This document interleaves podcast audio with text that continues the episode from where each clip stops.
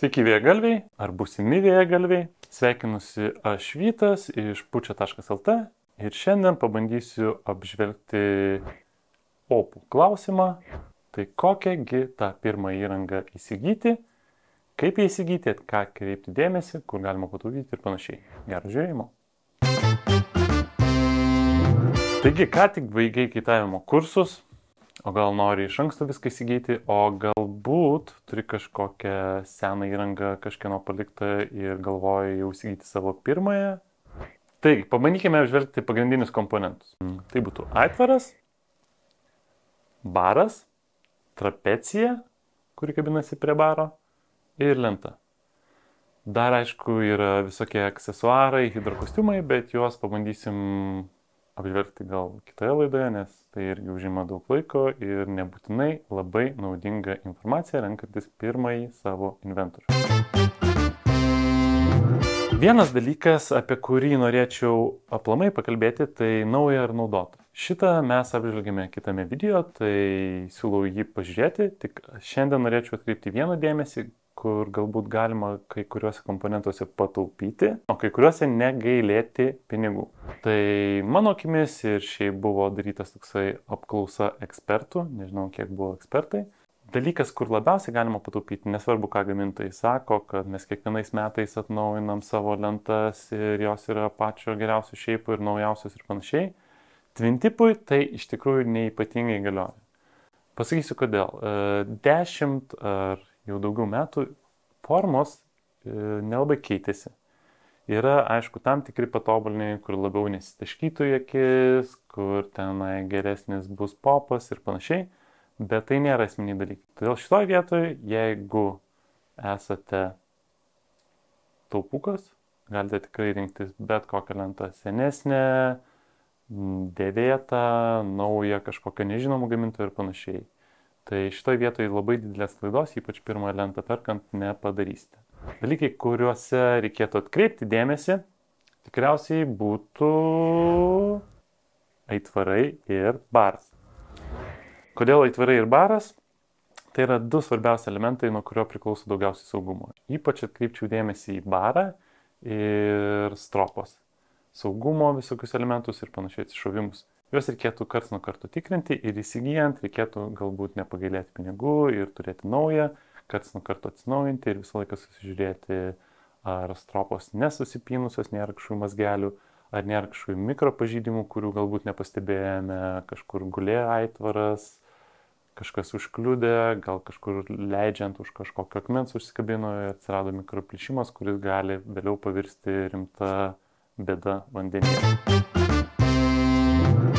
Pradžiai tikriausiai reikėtų paminėti, kad nėra aitvarų pradedantiesiems. Yra pradedantiesiam draugiški aitvarai. Tai sakykime, angliškai tai skambėtų beginner's friendly kites. Bet yra aitvarai, kurie yra nedraugiški pradedantiesiam. Iš tokius išskirčiau du. Tai visų pirma yra C formos aitvarai. C-shapes arba lietuviškai dar vadinamos C-škės. E, kodėl jos netinkamos? Jos yra labiau skirtos freestyle daryti, ant hook trukams ir tam tikros specifikacijos jos visų pirma patį langą vėjo, kuriame galima plaukti, sumažina ir tuo pačiu jie yra, nėra tokie draugiški pačiu pradžiu mokintis, jie yra agresyvesni ir panašiai. Kita skiltis, kurią norėčiau išskirti, tai būtų galbūt foliniai dvarai. Nors Lietuvoje ir visam pasaulyje jų yra tikrai labai daug ir jie yra populiarūs, bet e, pradėkime nuo to, kad investicija pradinė yra didesnė ir pradžiai tikrai nesinorėtų galbūt kažkur sugadinti to jautresnio foilinio nepripučiamo aitvaro, nes jisai tiek ir į vandenį kritęs gali sudaryti problemų jį pasikeliant, tiek ir mėtant ant kranto ar kažkur jis bus lengviau pažydžiamas turi daugiau įvairiausių stropų, reikalauja truputį techniškesnių žinių. Ir šitoje vietoje, bent jau pačioj pradžioj, siūlytume jų privengti.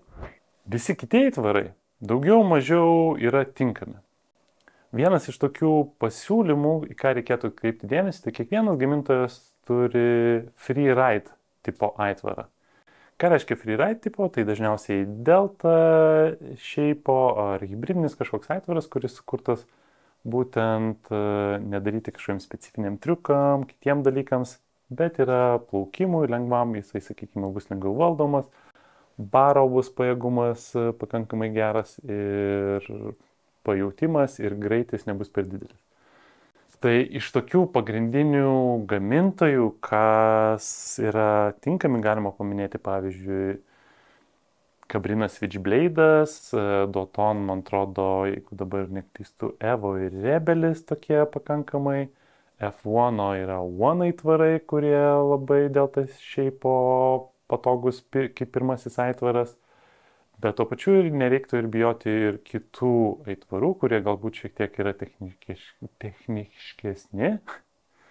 Tai kaip pavyzdžiui F1 bandit aitvaras, kurio net sakinyje atrodytų būtų delta C-shape, bet tas C-shape yra reiškiantis truputį visai kitus dalykus, bet nes jis yra irgi freeride per slashą big air aitvaras.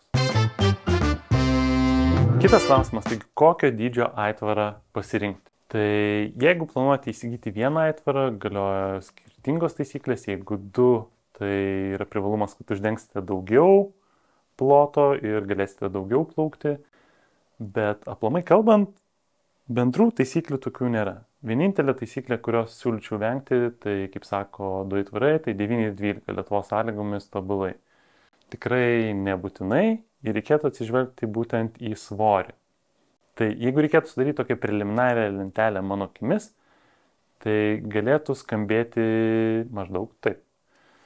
Jeigu esate lengvas, lengva, 50-60 kg, tai vienas aitvaras galėtų būti net ir septintukas. Jeigu du aitvarus renkantis, galėtų būti 6 ir 9, padengintis daug vėjo. 70-80 kg galima galvoti apie 9-10 kaip vieną aitvarą, arba jeigu 2, 7, 10, 7, 11 kažkas tame tarpe. 80-90 kg būtų dešimtukas arba vienuoliktukas kaip vienas, o 2 tai galėtų būti 8-11, 8-12, galėtų būti net ir 4 kvadratų skirtumas, kuris irgi pakankamai uždengtų didžiąją daugumą vėją. 90-100 kg vieno dydžio aitvaras rekomenduočiau 11 o jeigu du, tai būtų būtent tas 9-12 ribose. 100 ir plus kilogramų, tai reikėtų nepabijoti pasirinkti didesnių aitvarų. Vien, vienas aitvaras galėtų būti 12 arba net 13-14, o du aitvarai puikiai uždengtų 11-14 arba 11-15. Kitas elementas yra baras. Apie jį daug labai neįsiplečiant galima būtų pasakyti, kad Jį reikėtų rinktis tokį, kokį siūlo gamintojas, ar komplektuoja prie aitvaro, arba rekomenduoja.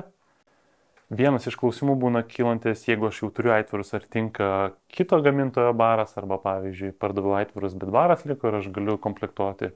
Tai trumpas atsakymas būtų taip, Jeigu tai yra keturių stropų baras ir keturių stropų aitvaras, tai viskas bus gerai, gali būti tenai sujungimai šiek tiek kažkokie pasikoreguoti, bet puikiai atsitaiko. Svarbiausia susižiūrėti, ar jisai nebekstolina ir kitus dalykus, bet problemų neturėtų kilti. Dar vienas dalykas, prie baro ne visi gamintojai prideda nemokamai safety lyšą, tai neužmirškit, kad šitas elementas irgi reikalingas ir jį reikia įsigyti. Eikime prie kito elemento mūsų lentelėje, tai būtent lentos. Tikriausiai, kai mokinotės, gavote pakankamai didelę, gal net 1,60 m ar dar didesnę lentą ir jos yra tikrai labai smagios pačioje pradžioje. Būtent e, mokyklinės lentos ar pradedančiųjų dažnai būna pakankamai paprastos formos. Tai reiškia, kad jos pakankamai lygios, Išlenkimų jokių rokerių nėra, didelis plotas apačioje be jokių konkeivų ar kanalų ir panašiai. Tai padeda lengviau atsistoti, išlikti paviršiuje, neskesti ir tos pirmosius žingsnius padaro pakankamai smagius ir greitus. Bet renkantis jau savo pirmąją lentą, jeigu jau praeiti mokymai ir panašiai, siūlyčiau atkreipti dėmesį į šiek tiek kokybiškesnės, bet nebūtinai daug brangesnės lentas. Tai pavyzdžiui, čia kaip pavyzdį turiu legendinę F1 Trax lentą, kur pasižiūrėjus jau ir pats dydis jos šiek tiek mažesnis, tiek ir yra tam tikri dalykai, kuriuos norėčiau atkreipdėmėsi. Tai pavyzdžiui, čia yra kanalai jau padaryti tokie, kur gerina vandens praslydimą, čia yra konkeivas, kuris, sakykime, irgi tam tikrus dalykus pagerina. Ir be abejo, reikėtų atkreipti dar vieną dėmesį, yra rokeris. Tai reiškia, kad patį plaukimą padaro truputį smagesnį, vanduo netaip taškosi ir taip toliau ir panašiai. Labai nesigilinsiu į detalės, nes jums jos nėra labai būtinos. Pagrindinė taisyklė, kad pirmoji lenta galėtų būti jau šiek tiek mažesnė nei su kuria mokėtės, tai sunkesniam žmogui galbūt 1,40 m, 1,50 m ribose lengvesniam 1,30 m, 1,40 m, tame tarpe, bet nereikėtų ant centimetrų labai užsistovėti, nes jie tikrai ne viską reiškia. Ir vienas centimetras ten ar kitur tikrai neduos labai daug skirtumo.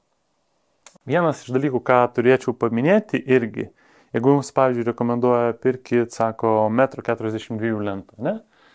tai neužsikabinkit vien tik tais ant ilgio. Nes, pavyzdžiui, paprasta matematika sako, kad lentų pločiai yra skirtingi. Ir, pavyzdžiui, štai yra 1,48-45 m. Lygiai tokia pat lenta centimetrų siauresnė būtų per visą plotą išsilygina taip pat, kaip būtų 4 cm trumpesnė. Tai šitoje vietoje nepadarykit klaidos, neužsikabinkit ant vieno kažkokio dydžio Ir daugiau apie lentas tikriausiai jums neturiu ką šitam video papasakoti. Pereikime prie kito mūsų elemento, tai yra tam tam tam trapecijos. Būna dviejų tipų, tai tokios, kokias turiu rankose, yra juosmeninės ir sėdimos. Reikėtų atkreipti dėmesį, kad e, dabar kai kas galbūt žiūrėdami sako, o sėdimas trapecijos, tai čia visiškai mokiniams ir nevykėliams. Tikrai ne, jos turi savo pliusų, tai vienas iš jų būtų, kad neapsunkina nugaros ir rekomenduojama labai, kas turi labai rimtų problemų su nugara. Ir kitas dalykas, jos netaip kyla į viršų. Todėl ypač mokinantis, pačioj pradžioj tas kilimo efektas yra labai svarbus ir labai malonu jo išvengti. Jų minusai yra, ypač kai vėliau kaituojant reikalinga, tai varžymas, kojų judesių, sakykime, atsiranda vėliau jau noras ir su tom kojom truputėlį pakrutėti, tiek ir kiek esu girdėjęs, trina krikšnis, dar vienas iš pastebėjimų yra labai keistas, bet baras, kadangi pati trapecija yra truputėlį žemiau, paleidus barą būna kartais sunkiau jį pasiekti. Tokie maži niuansai. O su juosmeniniam trapecijam jos yra tokios daugiau mažiau pačios populiariausios, jau kas jau savo perka dažniausiai įsigyja tokias. Yra kelių tipų. Tai visų pirma būna visiškai minkštos trapecijos, tai jų privalumas, kad jos dažnai būna galbūt lengvesnės, pigesnės e, ir ta apkrova nugarai galbūt nepasiskirsto visiškai teisingai, jos ne, neduoda tos atramos. Kitos trapecijos būna hardshellai ar adaptive hardshellai. Tai kitaip sakant, pats galas yra kietas. Pavyzdžiui, šitos yra Manera Eclipse trapecijos yra išdirbtos taip, kad pats vidurys yra labai kietas ir visiškai duoda atramą, o šonai po truputį kas centimetrą yra vis išdirbti, kad vis minkštėja ir turi tam tikro mažo lankstumo. Tai šitoje vietoje apie trapecijas reikėtų sakyti, kad nesivaikykit jokių trendų madų, Žiūrėkit, kas jums patogu, matuokitės ir žiūrėkit, kad nepasimtumėt per didelių, kad nekiltų į viršų ir nespaustų jums šankulių. Tikriausiai tiek. Tikiuosi, kad video buvo informatyvus. Aišku, galima gilintis labiau, žiūrėti tam tikrus dalykus. Jei kažką pastebėjote ar kažką mes praleidome, parašykite komentaruose. O aš sakau ačiū Jums ir kitų kartų. Susimatysim vandenį.